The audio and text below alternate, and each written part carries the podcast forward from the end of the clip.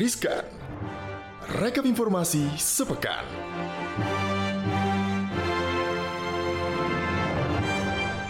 Hai Sobat Cuan, selamat datang di Riskan Rekap Informasi Sepekan Sepi amat kayak sendirian, kayak di hutan Coba, kayaknya gue ditemenin sama seseorang, cek-cek Halo, halo Sobat Cuan Eh kok bukan Angel, ke mana ini si Angel? Ada Bramudia Prabowo di sini, hai Bram Hai, hai Sehat Bram? Sehat, kabarnya ya.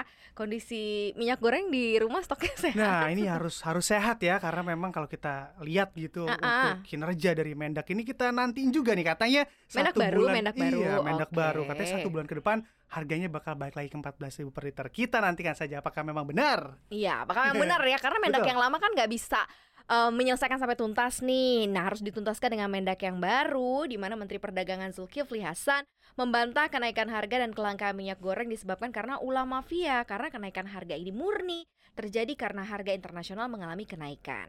Berbicara di Kompleks Istana Presidenan Jakarta nih, eh, Pak Zul biasa disebut ya mengatakan bahwa kenaikan harga di pasar internasional itu memang tidak terelakkan di saat yang bersamaan pemerintah ini juga gagal untuk mengantisipasi kenaikan atau melonjaknya harga itu, Bra. Nah ini menurut dari Mendak baru atau Pak Zulkifli. Hasan mengungkapkan hal ini biasa terjadi dalam perdagangan. Menurutnya ada sejumlah pihak yang memang mendapatkan keuntungan besar adalah hal yang wajar dan Mhm. tidak perlu dipersoalkan secara berlebihan. Lalu juga pihaknya menambahkan ataupun mengklaim sudah mengetahui akar masalah yang menjadi pemicu kenaikan dan Oke. juga kelangkaan minyak goreng ini Maria. Zulkifli juga berjanji persoalan ini bisa diselesaikan dalam jangka waktu satu hingga dua bulan ke depan. Kita harapkan bersama Hmm. seperti itu ya Maria. Gak usah ya? janji sih ya harusnya Bram ya dibuktiin aja ya baiknya seperti apa ya Iya. sampai dengan dua bulan ke depan ya. Dan ketika melakukan peninjauan pasar di wilayah Jakarta Timur dan titik penjualan minyak goreng curah di Rabu lalu nih ya, Pak Zul mengatakan bahwa harga minyak goreng curah eceran tertinggi untuk program pembelian berbasis KTP ini di Rp14.000 per liter atau ya 15.500 deh per kilonya dan masyarakat sudah diperbolehkan untuk melakukan pembelian minyak goreng curah sampai 10 liter dengan syarat menunjukkan KTP. Sebelumnya aturan pembelian minyak goreng curah ini hanya dibatasi 2 liter aja per orang, Bram. Nah, ini juga kebijakan ini juga tidak dibatasi Ah-ah. hanya kepada pelaku UMKM saja, masyarakat umum juga diperbolehkan nih Maria untuk membeli minyak goreng curah hingga 10 liter. Kalau lu di rumah konsumsinya banyak minyak, Enggak sih, enggak Enggak banyak ya? juga. nggak suka Kayaknya kasihan tukang gorengan deh ya kalau misalnya harga. Bener bener. Heeh. Yang kasihan tuh mereka yang pedagang-pedagang yang memang eh, source-nya tuh based on minyak goreng, ya Benar. kan? Apalagi nanti juga tempe-tempe goreng itu jadi makin tipis kayak kartu ATM. Kalau bisa dimasukin ke mesin ATM, ya. keluarnya bukan duit tapi kita doakan ya semoga Pak Ya. Zul bisa menjalankan eh, semua yang menjadi janji-janjinya ya Pak Zul ya. Benar. Nah ini nih next nih yang seru nih Bram nih polemik cuti hamil lahiran jadi 6 bulan ya. Ini Kok jadi iya beri- berita yang bagus ya. Tadi juga berita bagus begitu untuk para kaum ibu-ibu dengan harga minyak goreng. Sekarang juga jadi berita yang baik juga nih yang kedua. Kenapa gitu tuh Bram? Nah, ini karena memang DPR RI tengah membahas rancangan undang-undang tentang kesejahteraan ibu dan anak atau RUKIA Mm-mm. yang salah satu poinnya mengatur soal ketentuan cuti hamil dan juga melahirkan. Nah, di RU ini memuat aturan terkait perluasan masa cuti ibu hamil melahirkan dari tiga bulan menjadi enam bulan Yes, dengan sejumlah Tengah tahun ketentuan. ya. Nah, Tapi emang eh, enak sih ya kalau misalnya cuti melahirkan sampai 6 bulan. Jadi anak tuh kayak ditemenin sampai masa eh, ASI eksklusif ya 6 bulan baru beralih ke empasi. Nah, selama 6 bulan cuti ini menurut RUU KIA ini pekerja wanita tidak boleh nih ya catatannya ya diberhentikan dan perusahaan juga wajib bayar gajinya. Jadi karena dia memang harus menjalankan kodrat karena jadi ibu kan kodrat ya Bram ya. benar. Nah, besaran gaji tiga bulan pertama wajib diberikan 100%, tapi tiga bulan berikutnya ya konsekuensinya hanya 75%.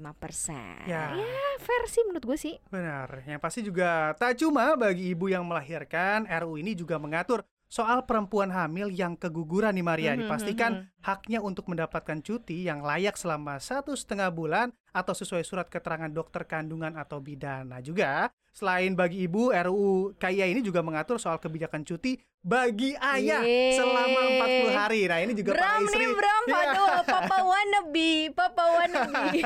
Jadi bisa nemenin begitu kan 40 hari ke depan saat istri setelah uh, melahirkan. Jadi kalau buat cowok seneng juga ya Nah, kalau dapat cuti 40 hari ya untuk nemenin istri eh, postpartum ya. Jadi setelah melahirkan. Nah, DPR ini beralasan pasal tersebut bertujuan demi kesejahteraan ibu dan anak dapat tercapai sesuai dengan tujuan pembangunan nasional. Salah satu ganjalan yang ada di aturan lama adalah ayah hanya diberikan waktu lima hari aja untuk dapat cuti kerja selama kelahiran anak, namun nantinya bakal bertambah 35 hari jadi 40 hari.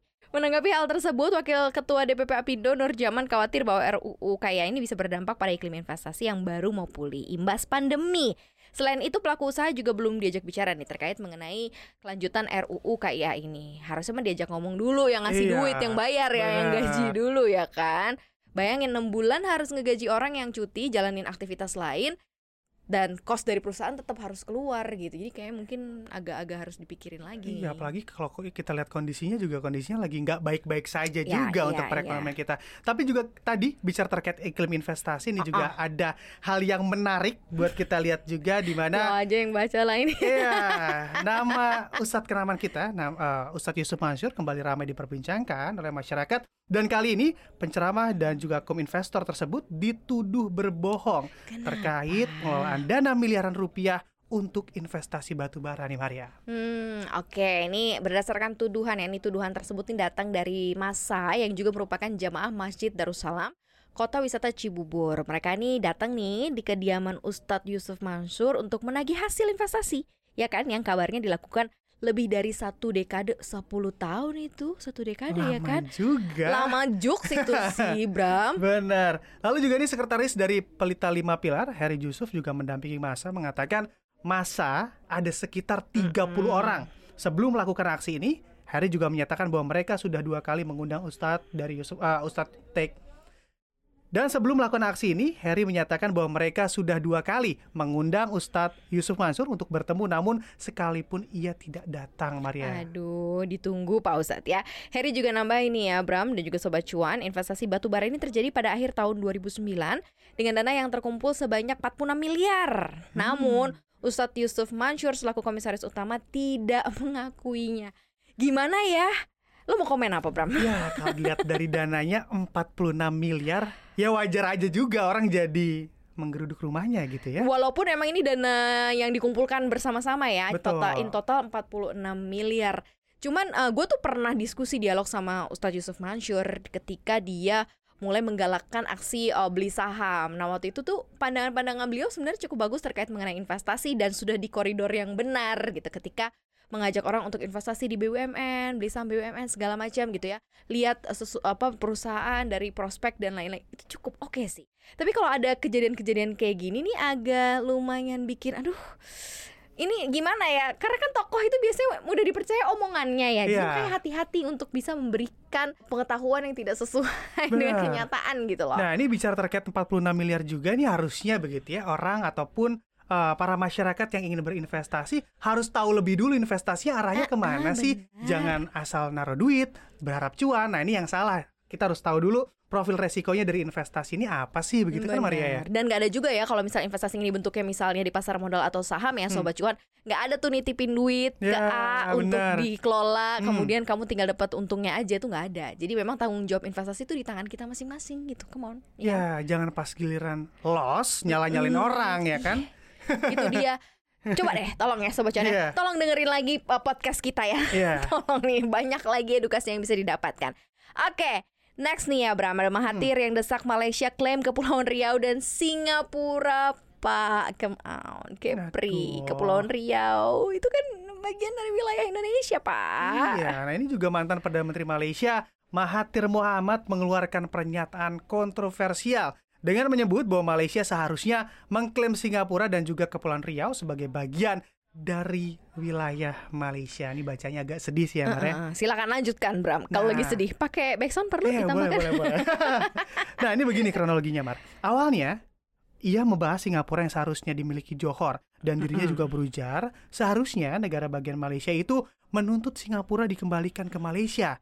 Oke. Dan pihaknya juga kemudian menyinggung Cipadan dan juga Ligitan di Kalimantan yang memang notabene-nya punya Indonesia yang dimenangkan oleh Malaysia dan Indonesia di Mahkamah Internasional. Dirinya juga menyinggung bagaimana Malaysia menuntut Pulau Batu Putih dari Singapura. Hmm. Nah, Uh, ini juga menyatakan ya, uh, Bram seharusnya kita tidak hanya menuntut agar uh, Pedra Branca atau Pulau Batu Putih ini dikembalikan kepada kita, artinya maksudnya Malaysia ya. Kita juga harus menuntut Singapura dan Kepulauan Riau karena mereka adalah tanah Melayu. Dan menanggapi hal tersebut, juru bicara Kemlu RI, Teku Faizan Syah, ini mengatakan bahwa wilayah NKRI ditentukan berdasarkan prinsip dan ketentuan hukum internasional yang berlaku, sehingga pemerintah tidak melihat dasar hukum atas pernyataan Mahathir tersebut. Oke. Ya. Mau dikomen? Kalau gue melihatnya gini, karena Indonesia, Singapura, Malaysia itu kan negara serumpun. Jadi kita tuh kan cuma berbeda, ya berapa sih kalau batas teritorinya bahkan hmm. saling bersinggungan. Kita juga banyak banget budaya kita yang saling beririsan ya. Maksudnya kayak dulu batik lah, kemudian makanan kayak masakan Padang itu banyak sekali di uh, Malaysia di Singapura walaupun dengan jenis yang berbeda kayak rendang aja juga sempat jadi perdebatan. Jadi sebenarnya inkulturasi budaya ya yang terjadi ya dan juga batas wilayah tidak usah di apa ya e, tidak usah diperdebatkan saat ini walaupun Pak Mahathir mungkin memang sudah menjadi saksi sejarah karena usianya kan juga yeah. udah iya. sangat uh, sangat uh, apa namanya istilahnya dewasa matures apa ya sudah sepuh ya Betul. usianya ya Bram ya. Nah ini juga untuk masyarakat harus menanggapi hal ini dengan kepala dingin pastinya. Benar. Tuh. Jangan ribut-ribut. Intinya kita harus lihat dulu akar masalahnya seperti apa. Jangan hanya marah-marah di medsos menyerang mm -mm. negara lain. Jadinya malah kita kelihatan jelek begitu di mata Itu dunia. dia. Karena kayak kayak apa ya? Kalau ada yang kayak gini-gini nih medsos rame kayak yeah. menjunjung nasionalisme tapi lo tuh lupa untuk jaga sikap, jaga jempol ya sih Bram? Sedihnya gitu ya. Ayolah coba ya tunjukin lagi uh, gambaran uh, masyarakat Indonesia yang memang sangat santun gitu ya hmm. dalam bertutur kata gitu tolong ya netizen hmm. yang budiman. Betul sekali. Oke sekarang kita lanjut. Ini ada yang bagi-bagi uh, bonus. Yeay! Perusahaan kita bukan ya? Oh, ini langsung ATM Oh bukan ternyata Bukan ternyata Ekonomi sulit Rolls Royce malah naikin gaji 14 ribu karyawan gak tanggung-tanggung Bram Wow 14 ribu iya. karyawan yes. Dikalikan gaji UMR aja udah berapa tuh? Nah, hmm. nilainya kan gede juga kan? Tunggu.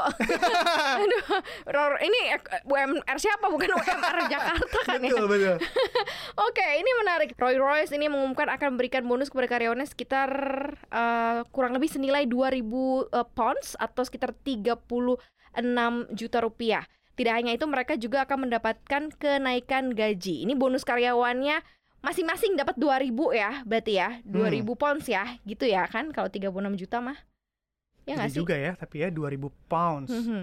nah, ini CEO dari Rolls Royce, Warren East menyatakan kebijakan baru perusahaan tersebut dilakukan untuk membantu karyawan menghadapi ketidakpastian ekonomi ya di tengah krisis akibat inflasi di Inggris. Jadi, negaranya nih lagi punya gitu. masalah ekonomi, sabar, tapi sabar, sabar. iya, karyawannya tetap dibahagiakan, diapresiasi kinerjanya dengan kenaikan gaji dan juga bonus. Iya ya, aduh kan kita tahu ya musuh besar kita kan lagi di inflasi ya yeah. dan di Inggris ini inflasi telah mencapai level tertinggi dalam empat dekade di Inggris di bulan Mei mencapai peningkatan 9% kalau 10% udah stagflasi tuh ya hmm. dibandingkan bulan yang sama di tahun lalu. Perang Ukraina diyakini sebagai penyumbang utama inflasi uh, di negeri Ratu Elizabeth tersebut. Dan Roy Royce mengatakan bahwa akan mengeluarkan bonus satu kali untuk 14 ribu dari sekitar 20 ribu karyawannya di Inggris, mencakup 11 ribu pekerja pabrik dan 3 ribu manajer junior serta 11.000 buruh juga akan ditawari kenaikan gaji. Ditawari loh kenaikan hmm. gaji 4% sejak Maret jika serikat buruh menerima kenaikan gaji ditawarin pasti nggak mungkin nggak diterima dong ya iya, ya kan? ditawarin nggak ditawarin aja kita menanti ya kan? Iya, Oke, nah ini selanjutnya juga Rolls mengatakan kenaikan itu adalah kenaikan gaji tahunan terbesar yang pernah diberikan kepada karyawan dalam satu dekade terakhir berarti 10 tahun terakhir ya. Mm -hmm. Namun secara keseluruhan CEO mengatakan kenaikan gaji 4% dan bonus sebesar 2000 pounds ini sejalan dengan tingkat inflasi saat ini. Jadi udah diperhitungkan, Mar. Benar-benar. Hmm. Dan uh, meskipun kondisi keuangan Rolls Royce sendiri sebenarnya kurang menggembirakan setelah dihantam pandemi dan membuat keuntungan perusahaan ini merosot tajam, tapi tampaknya perusahaan masih tetap concerns menganggap bahwa karyawan itu adalah aset. Jadi mereka harus dijaga apa namanya uh, moodnya mentalnya kalau gitu sih bro. nah ini coba ya para CEO di luar sana para pimpinan begitu ya yang masih menganggap karyawannya sebagai aset boleh dipertimbangkan begitu ya dan salah satu ya bisa melawan inflasi itu kalau kan kalau inflasinya 3-4 persen, sewajarnya kita bisa compete inflation dengan kenaikan gaji yang sama Iya. dong 3-4 persen. Atau even though investasi lo bisa membayar inflasi itu 3 persen kan. Tetapi yang paling cepat kalau lo horo-horo untuk orang investasi ada yang sadar ada yang enggak kan Iya. nggak bisa rata. Yang paling gampang ya memang adalah raise the salary, naikin gajinya gitu. Iya? Bener banget. Ini semoga ya yang denger banyak ya. Aduh. Gue rasa sih jeritan kita bukan kita doang ya. Bukan jeritan kita doang ya. Bukan. Tapi yang jelas ya Sobat Cuan syukuri saja apa yang sekarang Sobat Cuan punya. Tetap eh, berikan yang terbaik, eh, menjadi diri Sobat Cuan yang terbaik untuk perusahaan juga kalau Sobat Cuan bekerja sebagai karyawan. Jadi jangan malas-malas, jangan lemes-lemes. Ya, siapa tahu eh, kalau misalnya rajin, tekun segala macam, rezeki mah ada aja ya nggak sih Iya, bro? benar. Gajinya naik ya kan? Gajinya naik, insya Allah ya. Insya Allah, ya benar. Naik. Oke, thank you udah dengerin Riskan hari ini. Terima kasih banyak Bramudia Prabowo juga. Terima kasih Maria dan juga sobat cuan yang sudah mendengarkan. Yeah, jangan lupa untuk dengerin podcast kita lainnya di Apple Podcast, Google Podcast, Spotify, dan juga Anchor. Jangan lupa follow akun Instagram kita di @cuap underscore cuan dan subscribe YouTube channel kita di cuap cuap cuan di like, share, komen yang manis-manis ya sobat cuan ya. Thank you banget sobat cuan. Maria Katarina Prabu Budia Prabowo pamit. Bye sobat cuan. Bye. Happy weekend. Happy weekend.